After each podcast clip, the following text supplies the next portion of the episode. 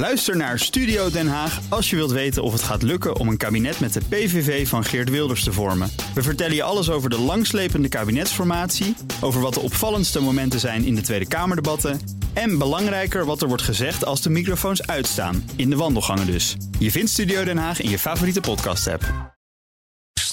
De column van Bernard Hammelburg. Wie zal het morgen worden? De illusionist of de neomarxist? De fantast die denkt dat Brittannië de wereldzeeën weer kan regeren... of de venijnige radicaal die uitsluitend wartaal uitslaat. Kortom, wordt het Boris Johnson of Jeremy Corbyn? En komt Brexit nou dichterbij, of niet?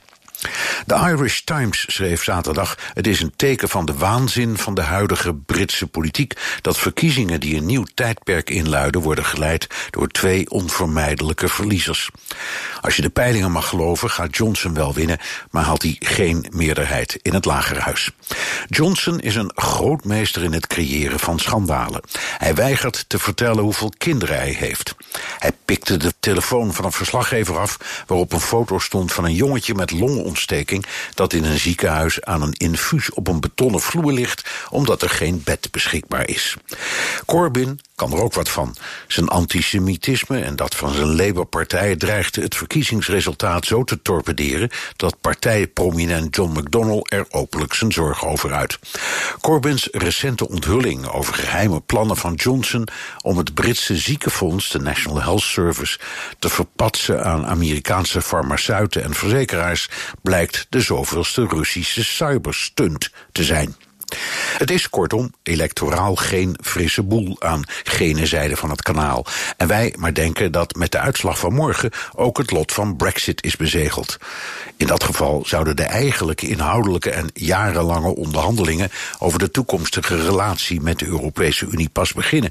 Maar zelfs daar is niet veel uitzicht op. Morgen is dus geen finale, maar de opmaat naar een nieuwe ronde van waanzin.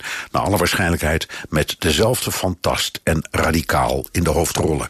Waar zou dat keurige Britse volk van wel eer zich hebben verstopt?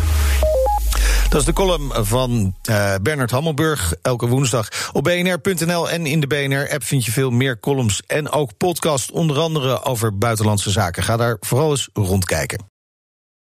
Ook Bas van Werven vind je in de BNR-app. Ja, je kunt live naar mij en Iwan luisteren tijdens de ochtendspits. Je krijgt een melding van Breaking News. En niet alleen onze podcast Ochtendnieuws, maar alle BNR-podcasts vind je in de app. Download nu de gratis BNR-app en blijf scherp.